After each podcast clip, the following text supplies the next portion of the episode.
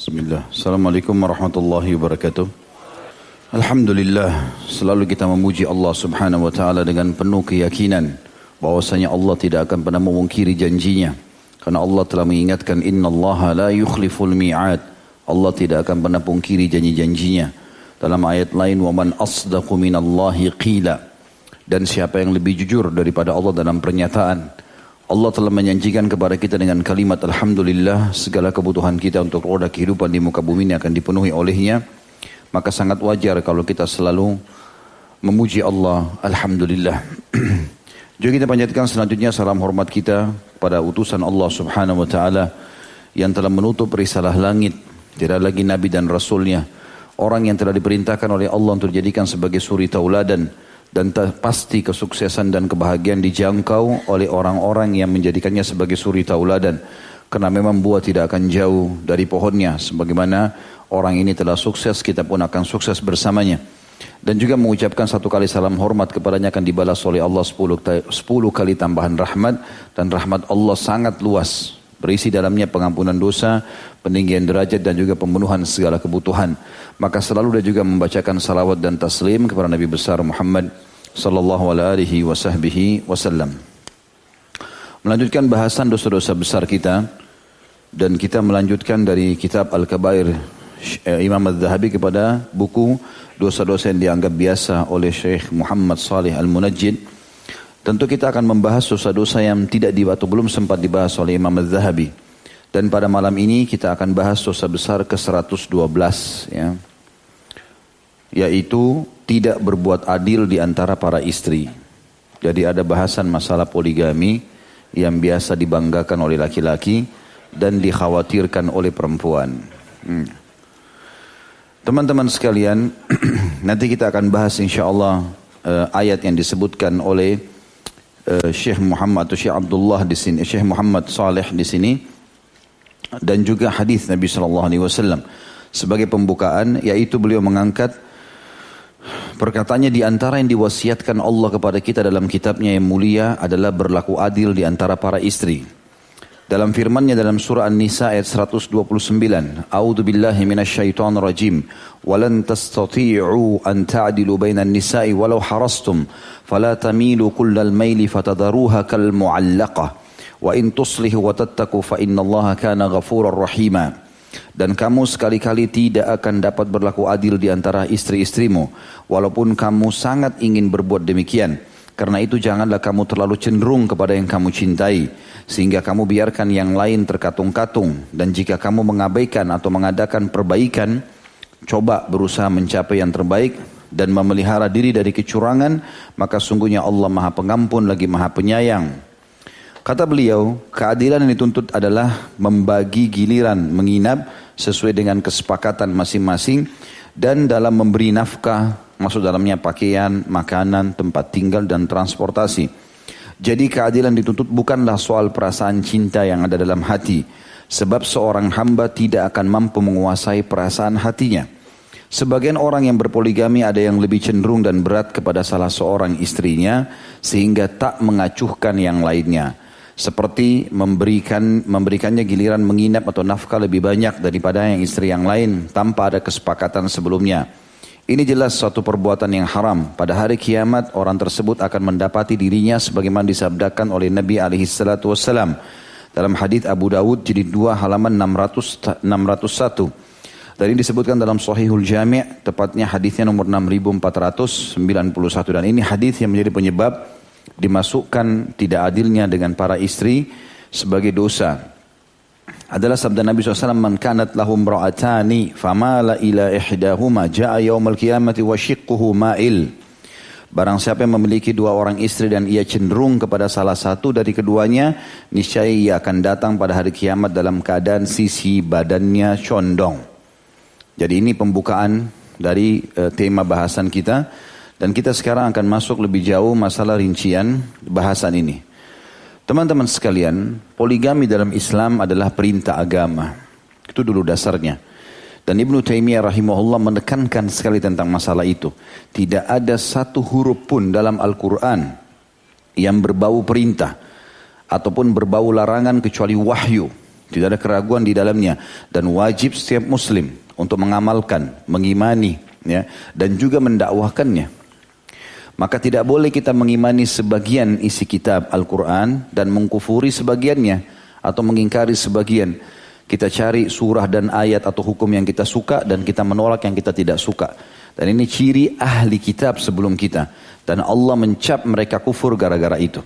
Allah mengatakan kepada para ulama Bani Israel dan seluruh Bani Israel pada saat itu, A'udzu billahi minasyaitonir bi ba'dil kitabi wa bi ba'd. Kenapa kalian mengimani sebagiannya dan kalian mengkufuri sebagiannya? Pernah terjadi ada seseorang berzina di kalangan Yahudi di Madinah dan dia muhsan, sudah menikah, hukumnya dirajam. Tapi karena orang ini punya kedudukan, mereka ingin merekayasa hukum. Karena mau merekayasa hukum, maka tokoh-tokoh Yahudi bingung gimana caranya. Orang-orang Yahudi semua tahu dalam Taurat harus dirajam. Maka mereka mengatakan coba kita ke Muhammad, cari hukumnya. Mungkin hukumnya beda. Gitu. Lalu kita jadikan sebagai alasan kita pakai aja kali ini hukumnya Muhammad. Datanglah mereka ke masjid Nabi SAW lalu menanyakan tentang hukum ya wanita atau laki-laki yang sudah menikah lalu berzina dan kepergok. Diapakan? Nabi SAW spontan mengatakan, bukankah ada dalam kitab Taurat dan kalian sudah tahu hukumnya sama dengan kami, dirajam. Maka mereka bilang kami nggak temukan ayatnya di dalam Taurat, maka kami ingin mencari melalui hukummu. Kebetulan waktu itu Abdullah bin Salam radhiyallahu anhu sudah masuk Islam dan ini insya Allah akan kita bahas uh, serial sahabat ini di hari Sabtu nanti tablik akbar insya Allah. Maka beliau pun datang kemudian mengatakan ya Rasulullah mereka berdusta. Saya tahu ada di dalam ayat Taurat, di surah ini, di ayat ini. Bukalah hai Yahudi, maka mereka membuka Taurat itu. Karena takut sekarang, sudah ketahuan ada Abdullah bin Salam ya di situ. Kemudian mereka baca dan mereka yang membaca Taurat itu meletakkan jari telunjuknya di ayat rajam. Ditutupi lalu dia langkahi. Ya. Jadi kalau orang berzina sudah menikah gini, dilangkahi kata rajam, lalu bahasanya hukumlah dan begitu dan. Maka Abdullah bin Salam datang lalu mengangkat jarinya sambil mengatakan ini loh ayatnya. Ya. Jadi mereka berusaha untuk menyembunyikan sebagian ayat dan menerima sebagian ayat. Dan ini tidak boleh dalam Islam. Mau kita suka, tidak suka. Masuk akal kita, tidak masuk akal kita. Al-Quran wahyu. Wajib kita ikuti. Cahaya dari Allah. Petunjuk dari Allah. Nur, hudan, obat, syifa, semuanya. Dan ini kesempurnaan iman seseorang mengimani semua itu. Ya. Di antara hukum yang selalu saja menjadi pembicaraan hangat di tengah-tengah masyarakat adalah masalah poligami. Ya, si laki-lakinya semangatnya luar biasa untuk menjalankan, walaupun tidak ada modalnya, modal dengkul saja. Perempuannya semangat juga untuk menolak. Tidak ada opsi. Poligami berarti cerai sama saya. Berarti sama saja kalau kamu terapkan hukum Allah berarti enggak sama saya. Karena ini berat sekali. Maka perlu kita melihat titik tengahnya ini. Insya Allah malam ini kita berharap setelah bubar laki-lakinya netral dalam menjalankan nanti poligami, ibu-ibunya juga semangat mendorong suaminya. Hmm. Insya Allah saya bilang, mudah-mudahan. Ya. Baik. Ayat tentang masalah poligami masyhur di surah Nisa surah nomor 4 ayat 3 yang Allah Subhanahu wa taala menjelaskan masalah itu. A'udzu billahi minasyaitonir rajim. Fankihu ma taba lakum minan nisa'i mathna wa thulatha wa ruba'. In khiftum alla ta'dilu fawahidatan aw ma malakat aymanukum. Al-ayah yang artinya nikahilah yang kalian sukai dari kaum wanita dua, tiga dan empat. Ya. Kalau seandainya kamu takut tidak adil maka satu. Allah SWT mengatakan nikahilah wanita itu yang kau sukai dan mana sukai memang adalah yang kamu ingin menikahinya. Jadi nggak benar orang poligami itu asal poligami saja. Ada sebagian wanita juga mengatakan kok boleh poligami tapi nikah sama nenek-nenek ya. Gimana caranya? Orang sudah ompong, sudah bungkuk, nggak mungkin jadi istri. Allah bilang fankihu ma lakum minan nisa. Nikahi yang kau suka dari wanita. Supaya dia bisa biologis akhirnya ada keturunan ya. Dua, tiga ataupun empat kalau kau takut tidak adil maka ber, satulah atau yang kau miliki dengan kekuatan tangan kananmu. Maksudnya adalah hasil rampa, rampasan perang. Tentu ini menjelaskan kepada kita tentang hukum poligami dan Syekh Bimbas rahimahullah mengatakan dari ayat ini difahami hukum asal pernikahan adalah poligami. Hukum asalnya poligami. Jadi monogami itu kalau takut tidak adil. Tapi hukum asalnya memang orang harusnya menikah poligami. Dan nanti kita lihat banyak sekali hikmah-hikmah dan perintah dalam dalam syariat. Kita tidak perlu buru-buru menghakiminya sampai tema selesai ya. Ini ayat Al-Quran tentang hukum syar'inya dulu. Kemudian dari sunnah Nabi SAW disebutkan dalam hadis Bukhari nomor 5068 dan juga An-Nasai jilid 6 halaman 54. Dikatakan dari Anas bin Malik radhiyallahu anhu anna Nabi sallallahu alaihi wasallam kana yatufu ala nisa'ihi fil lailatil wahida walahu yawma idzin tis'u niswah. Yang artinya sungguh Nabi SAW pernah mengelilingi atau menggilir istri-istrinya dalam satu malam dan ketika itu beliau memiliki sembilan orang istri. Ya artinya ini khususiyatun Nabi SAW. Ini khusus buat Nabi. nggak boleh untuk orang lain. Kalau kita umatnya maksimal empat, ya. Dan makna daripada ayat di sini, ini ini hadis ini menjelaskan kalau Nabi SAW mengelilingi istrinya satu malam dan beliau waktu itu memiliki sembilan orang. Artinya beliau sendiri melaksanakan poligami itu. Dan makna firman Allah SWT dalam surah Nisa ayat 3 tadi, Masna wa thulatha wa adalah dua, kalau kau masih mampu tambahlah ketiga, kalau kau masih mampu tambahlah keempat. Dan ini bukan berarti dua ditambah tiga ditambah empat. Iya karena orang Syiah berkata itu. Ya. Makanya mereka bilang sembilan. Dua tambah tiga berapa? Lima tambah empat? Sembilan. Lalu mereka mengatakan Rasulullah aja sembilan istrinya. Padahal ini keliru. Yang dimaksud adalah dua, kalau kau masih mampu tiga, tambah satu lagi, kalau kau masih mampu tambah lagi satu. Dan ini juga menandakan poligami yang saya adalah poligami yang bertahap. Ya, dengan jenjang waktu, dengan pengaturan manajemen yang rapi, baru kemudian dia melangkah. Gitu. Kemudian juga di sini ada uh, hadis dari Abdul dari Ibnu Abbas radhiyallahu anhu dari Said bin Jubair radhiyallahu anhu. Beliau ditanya, "Hal tazawwajta?" Ibnu Abbas bertanya kepada Said bin Jubair. Qultu la, qala fatazawwaj fa inna khaira hadhihi al-umma aktharuhu aktharuha nisa. Aktharuha nisaa ya. Apakah kamu sudah menikah wahai Sa'id? Sa'id bin Jubair belum menikah. Lalu dia mengatakan belum. Kata Ibnu Abbas menikahlah. Karena orang terbaik dari umat ini yang paling banyak istrinya.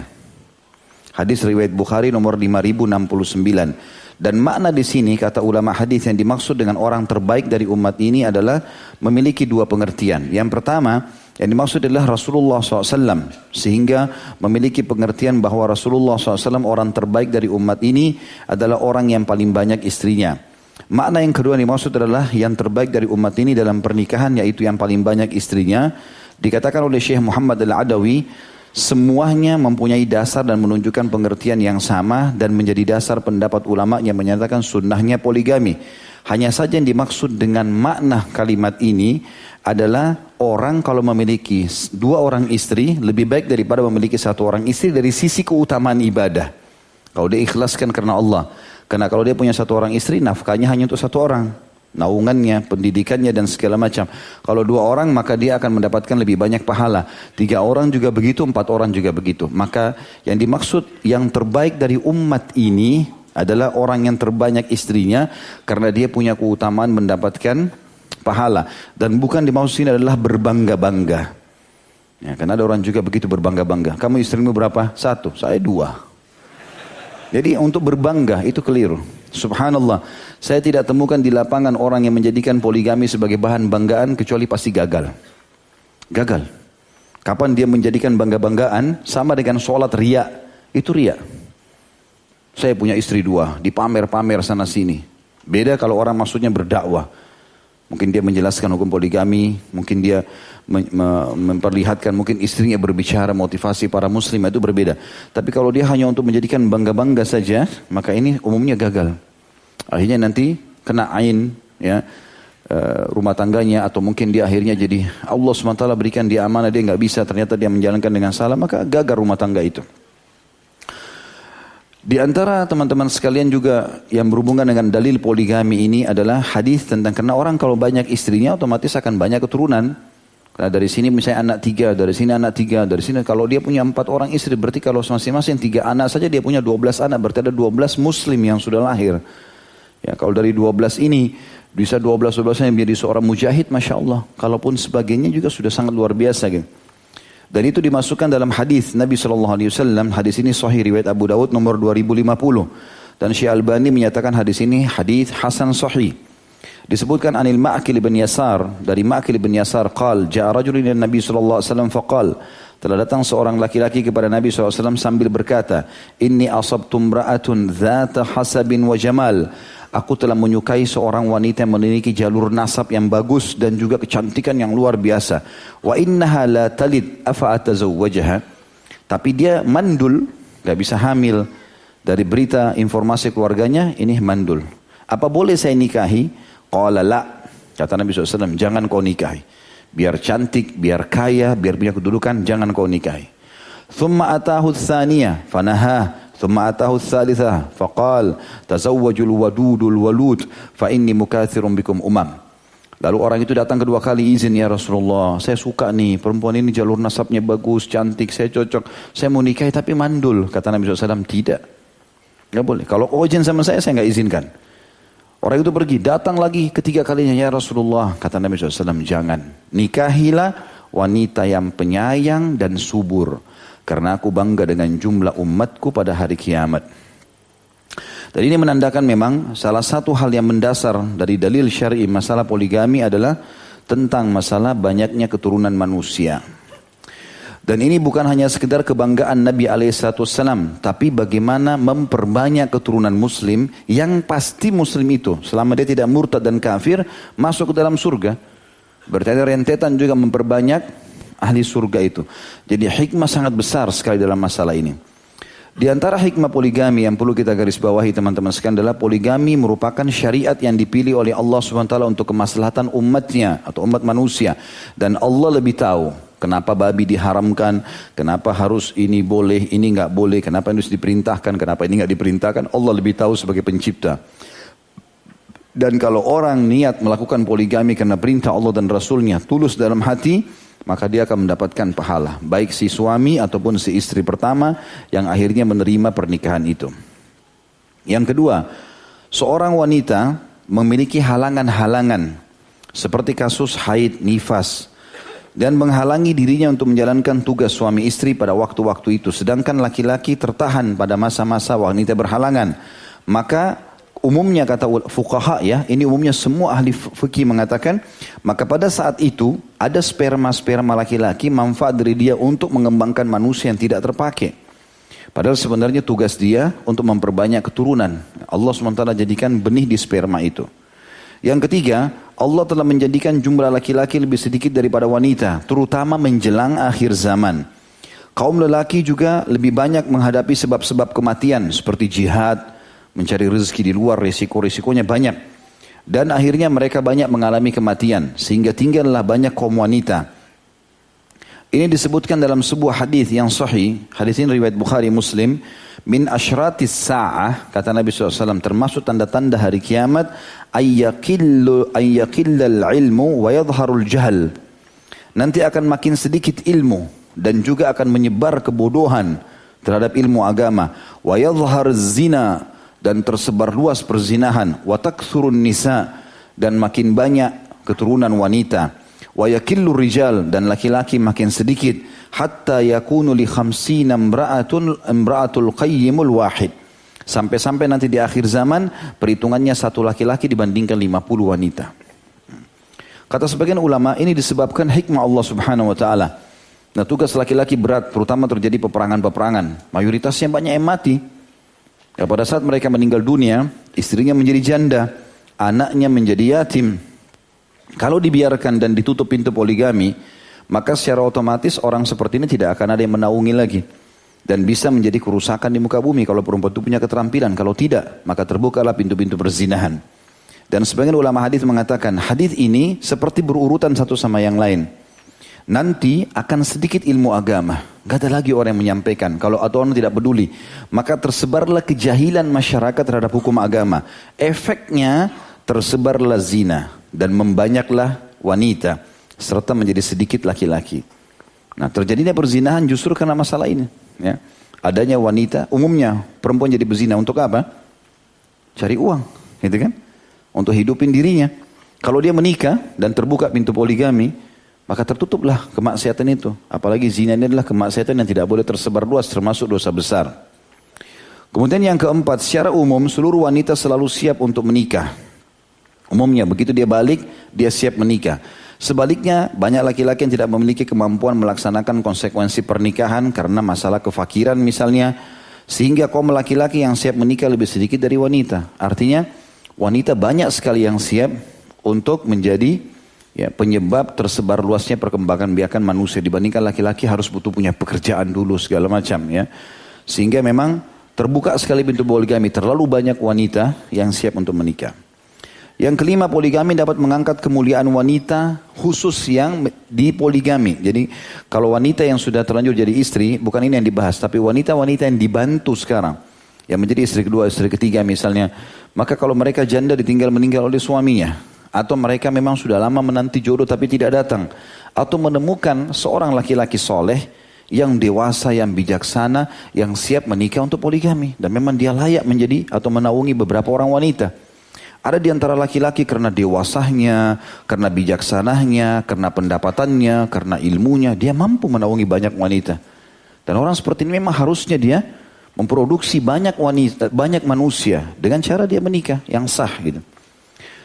Maka poligami bisa mengangkat derajat perempuan-perempuan yang akhirnya menjadi istri kedua atau istri ketiga. Dan setiap muslimah yang menjadi istri pertama di sini, dia harus memikirkan bukan cuma dirinya tapi maslahat secara umum maslahat secara umum.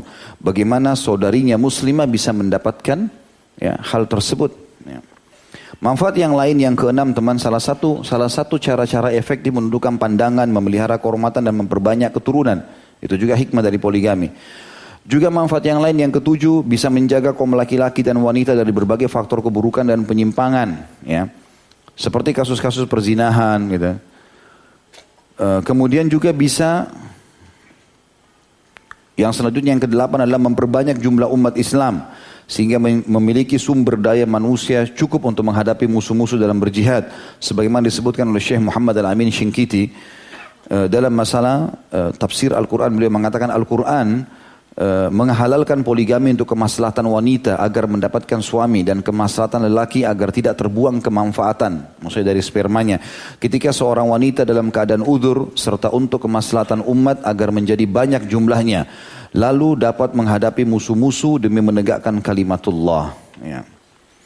Kemudian juga di antara hikmah yang ke-10 masalah pernikahan adalah adanya pembah poligami ya, adanya pembaharuan cinta dalam poligami rumah tangga. Biasanya orang kalau monogami kejenuhan lebih banyak.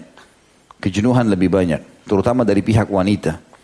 Jadi kalau sudah 10 tahun menikah, 15 tahun menikah, kadang-kadang dia sudah jenuh untuk melayani biologi suaminya, dia melayani jenuh, muncul kejenuhan. Mungkin tuh para umat kita merasakan masalah itu. Dan ulama mengatakan poligami memperbaharui masalah itu. Dengan menikah, maka si istri merasa tanda kutip dia punya ada saingan, terhiduplah kembali suasana di rumah itu. Orang yang poligami akan merasakan itu, apalagi ini perintah Allah Subhanahu wa taala. Dan kalau ada persepsi di antara muslimah bahwasanya kalau suami saya menikah lagi nanti dia lupakan saya, persepsi ini atau nanti dia lebih perhatian dengan di sana atau nanti dia akan lebih ini dan lebih itu, ini was-was syaitan. Islam sudah datang mengatur. Ini hadis yang kita bahas malam ini. Kalau ada laki-laki yang mempunyai dua orang istri dan dia cenderung kepada salah satunya, makna cenderung sini adalah meninggalkan kewajiban dia. Dan ulama membatasi kewajiban ada dua, mabit dan nafkah, menginap dan nafkah. Ya. Kalau rasa suka, ya, rasa sayang, rasa cinta ini nggak bisa dipungkiri. Makanya Nabi SAW waktu ditanya siapa orang yang paling anda cintai ya Rasulullah. Kata Nabi SAW Aisyah. Dan begitu Nabi bicara jadi hukum syari ini. Abadi sampai hari kiamat orang semua tahu kalau Nabi paling cinta sama Aisyah. Nabi kan bisa bilang, saya cintai semua istri saya. Enggak. Nabi mengatakan Aisyah saja. Kenapa? Karena kecenderungan hati nggak bisa dipungkiri dalam masalah ini. Jadi memang bisa saja mungkin yang lebih baik pelayanannya, lebih santun, lebih menghibur, maka mungkin dia lebih suka. Tapi dari sisi mabit, menginap, dan sisi nafkah tidak boleh. Gitu kan. Ini pun harus dimasukkan lagi dalam syarat-syarat. Masalah mabit ini tergantung kesepakatan. Misal, seorang laki-laki muslim menikah dengan istri di Jakarta. Lalu dia sering tugas bolak-balik ke Surabaya. Dia pun nikah di Surabaya misalnya. Kemudian dia sepakat sama istri yang di Surabaya ini, saya hanya datang ke sini uh, sepekan dalam sebulan, pekan terakhir di bulan. Saya nggak bisa datang selain itu. Kerjaan saya banyak fokus di Jakarta. Dia mengiyakan, selesai. Berarti si laki-laki ini cuma punya tugas pekan terakhir di bulan itu. Ini namanya hak mabit. Ya, jadi tidak boleh, tidak harus dikatakan harus semalam, semalam, semalam tidak. Kecuali memang itu disepakati, ya, disepakati. Tapi kalau ada ada bahkan kesepakatan orang, dia misalnya, jangankan kita bicara poligami, dia monogami saja, tapi dia bilang saya nikah, cuman saya ini bertugas berlayar saya dah balik enam bulan sekali, setahun sekali. Istrinya bilang nggak apa-apa. Atau dia kerja ke luar negeri, punya akad dengan pabrik luar negeri, kayak teman-teman kita di Saudi, di Jepang, di mana-mana. Dua tahun dia baru pulang. Dia waktu nikah dia bilang sama istrinya, saya mau kerja di sini loh. Saya dua tahun baru pulang, nggak apa-apa kok. Nah sudah, dia dia kan tanazul namanya, dia melepaskan hak malamnya, ya. Maka itu tidak ada masalah. Bahkan di antara ummahatil mu'minin ada yang menghadiahkan malamnya untuk istri yang lain. Sebagaimana Ummu Salamah radhiyallahu anha menghadiahkan malamnya untuk Aisyah radhiyallahu anha. Jadi masalah mabit ini masih ada ya kelonggaran dalam syariat. Tinggal masalah nafkah. Nafkah masuk dalamnya ya makan, minum, pakaian, tempat tinggal dan transportasi. Ini semampu suami dan harus disesuaikan dengan jumlah anak. Ya. Jumlah anak. Istri pertama punya anak lima. Tidak bisa disamakan ukuran rumahnya sama istri kedua yang anaknya satu. Misalnya. Pasti berbeda. Karena ini akan butuh enam kamar. Kamar suami istri sama anaknya masing-masing satu kamar misalnya. Gak bisa kita bilang, oh harus adil. Berarti istri pertama kamar, kamarnya rumahnya lima, istri kedua juga harus lima walaupun anaknya masih satu. Mungkin nanti dia punya anak, ya itu mungkin. Belum tentu, gitu kan. Maka termasuk keadilan di sini adalah memberikan sesuai dengan kadar ya kebutuhan. Sama kita belikan mobil istri pertama. Istri pertama punya anak empat orang atau lima orang. Mobilnya nggak cukup, harus mobil yang besar. Istri kedua baru nikah, belum punya anak, nggak mungkin sama rumah mobilnya, gitu kan? Pasti berbeda. Nah ini masuk dalam masalah keadilan nafkah, gitu kan? Tentu di sini bisa juga sebagian ulama mengatakan termasuk dalam keadilan adalah selain tadi rumah dan transportasi memang harus dibedakan masalah ini dalam masalah nafkah juga disendirikan ke kebutuhan anak-anak. Misalnya istri pertama, kebutuhan istri 2 juta. Masing-masing istri dikasih 2 juta, 2 juta. Berapapun istrinya sampai 4, 2 juta masing-masing istri. Haknya setiap bulan. Anak-anak dikasih misalnya sejuta per bulan.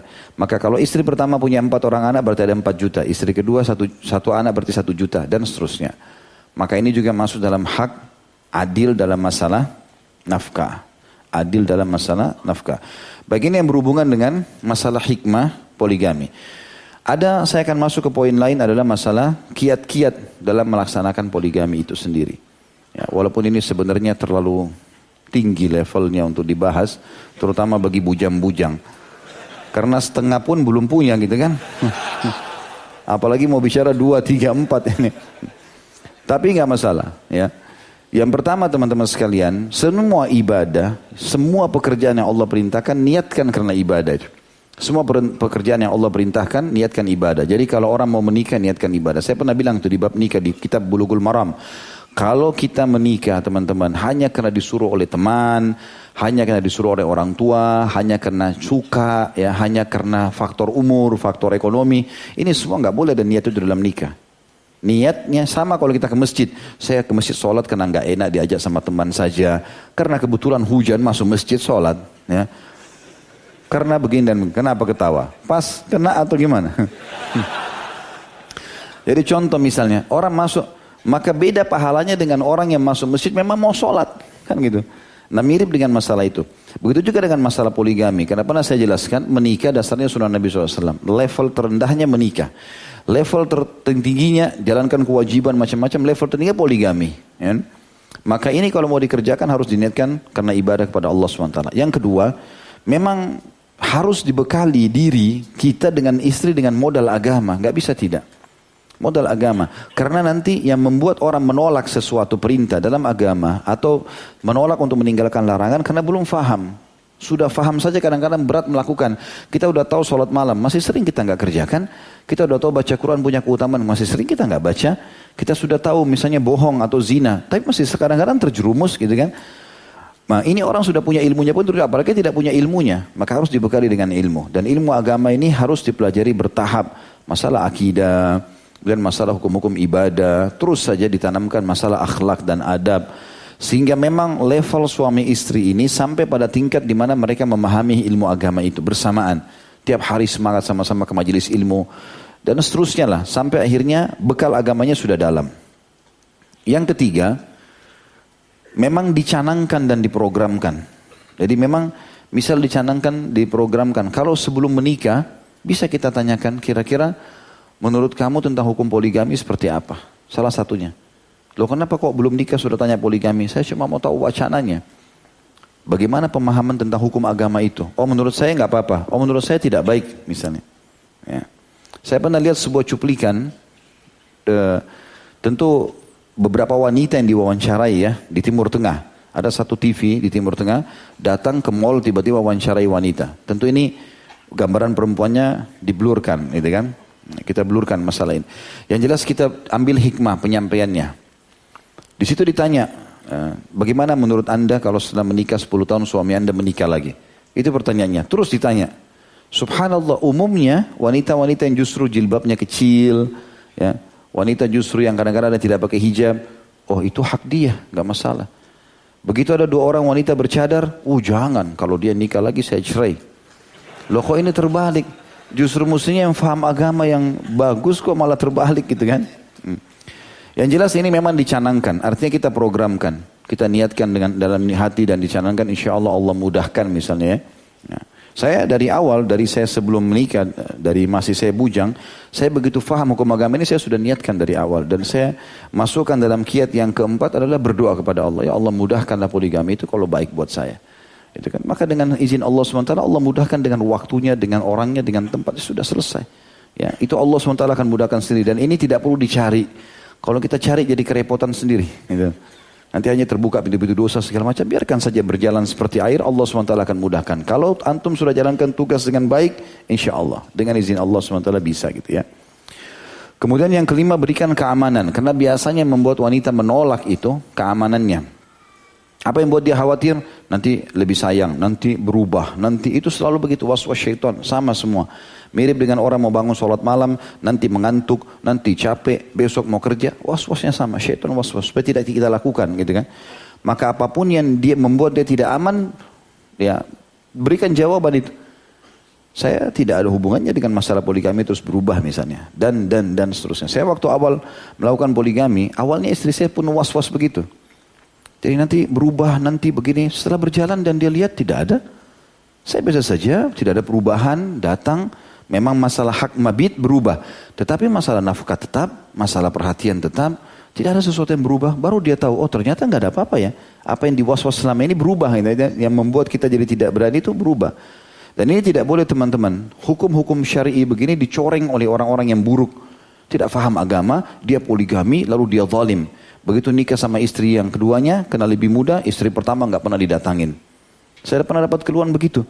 Begitu dia nikah, istrinya kesian dengan sabar. Enam bulan sampai gak pernah dikunjungin, gak mau tahu nafkahnya. Enggak juga diceraikan. Ini zalim, nggak boleh. Ini yang dimaksudkan dalam hadis tadi. Gitu kan?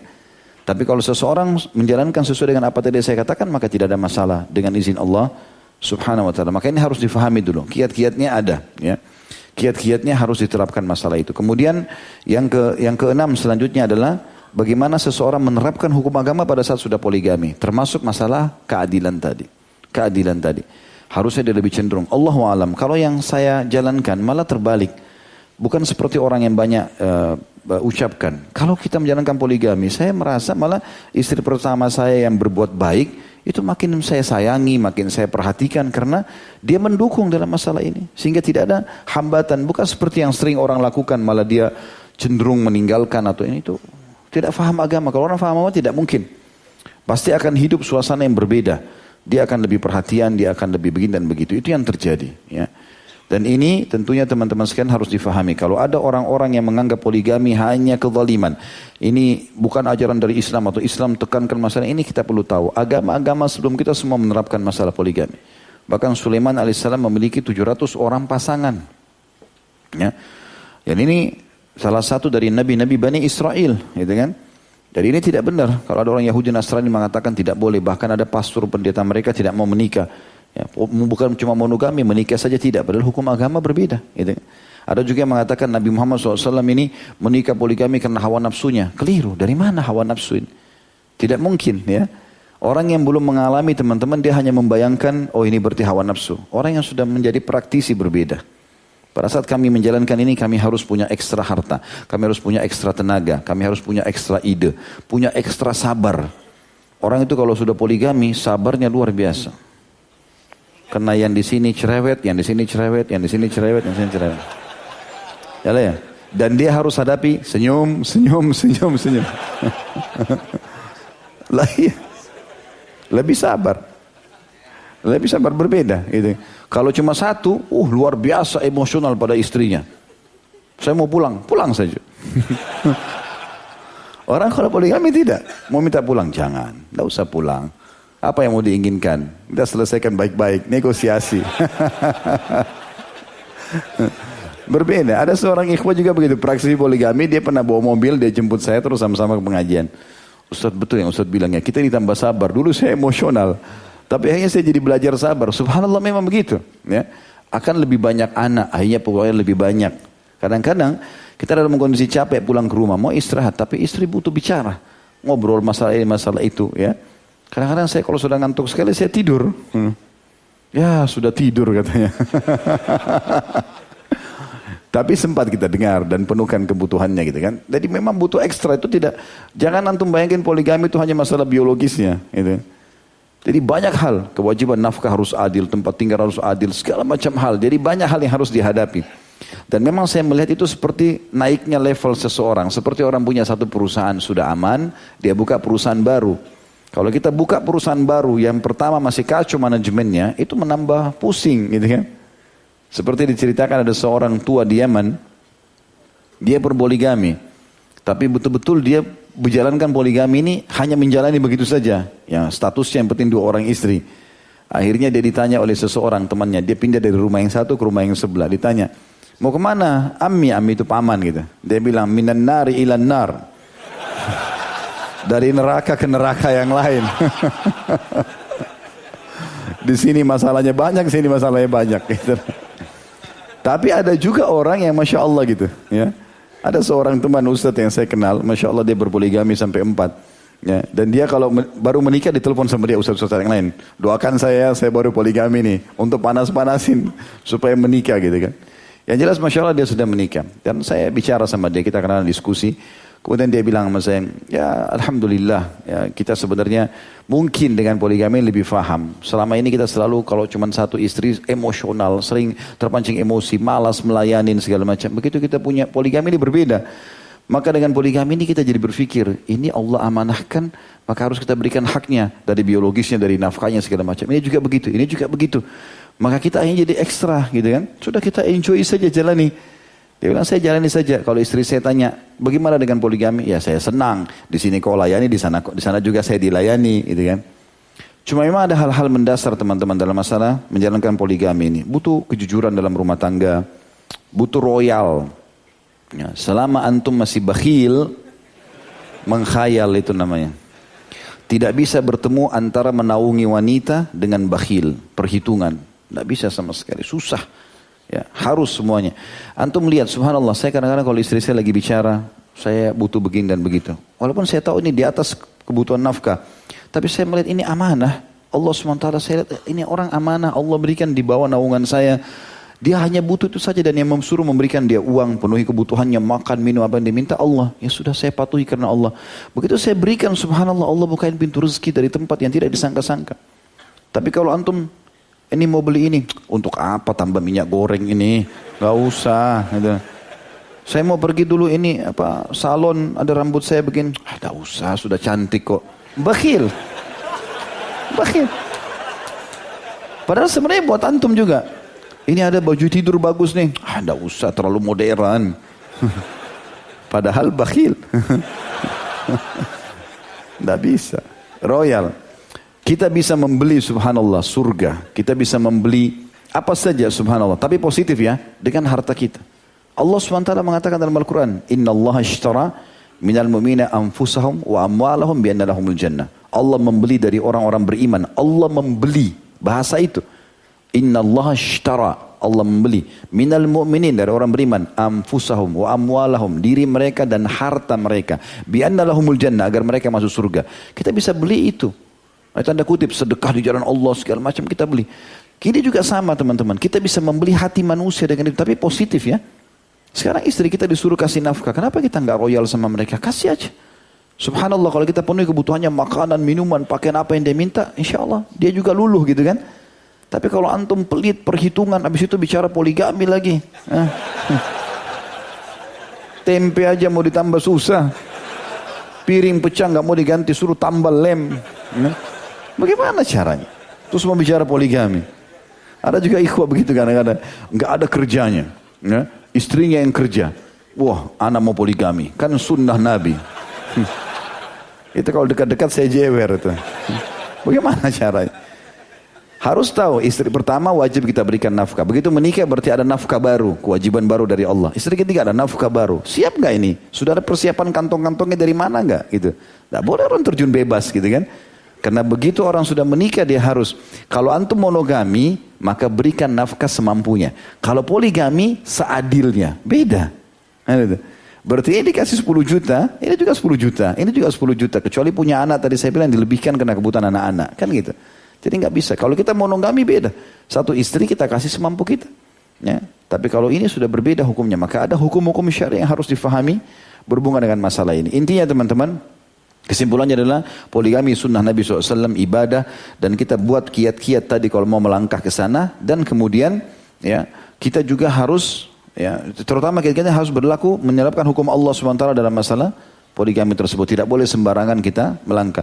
Dan alhamdulillah walaupun ada beberapa muslimah atau wanita yang menolak masalah ini tapi tidak sedikit di antara muslimah yang sangat menerima masalah ini. Saya pernah cerita itu ya. Subhanallah saya pernah ditanya oleh seseorang Waktu itu masih pakai BBM, belum waktu masih belum belum banyak dipakai WA sekarang ya. Berapa tahun yang lalu, saya masih di Makassar, habis selesai tablik akbar di satu kampus. Kemudian ada yang BBM ke saya tanya, Ustaz, apa hukumnya seorang laki-laki menikahi tiga wanita sekaligus? Saya bilang, boleh hukumnya, tapi masing-masing punya syarat. Secara hukum, dia nikah dulu sama wanita pertama, ada walinya, ada maharnya, ada saksinya. Kemudian dia pindah nikah dengan yang kedua, terus dia pindah nikah yang ketiga. Jadi nggak boleh digabung dalam satu akad. Misalnya, saya nikahkan kamu dengan fulana binti fulana dan fulana binti fulana. Nah, nggak boleh, gitu kan. Tapi akad nikahnya selesai, dia pindah akad nikah lain boleh. Terus saya tinggalkan sudah. Tapi tiba-tiba saya di kendaraan berpikir, kenapa orang ini nanya ini? Saya kembali tanya dia, kenapa akhi nanya begitu? Dia bilang, saya bukan uh, akhi Ustaz, saya akhwat. Saya ukhti dan saya sudah sepakat dengan dua orang sahabat saya untuk menikah dengan satu suami. Ini saya dengan bicara sama saya sendiri, itu kan? Waktu saya ceritakan kepada sebagian ikhwah Ustaz nomor teleponnya ada nggak? Nggak bisa. Karena dia mau langsung jalan pintas ya, langsung tiga gitu.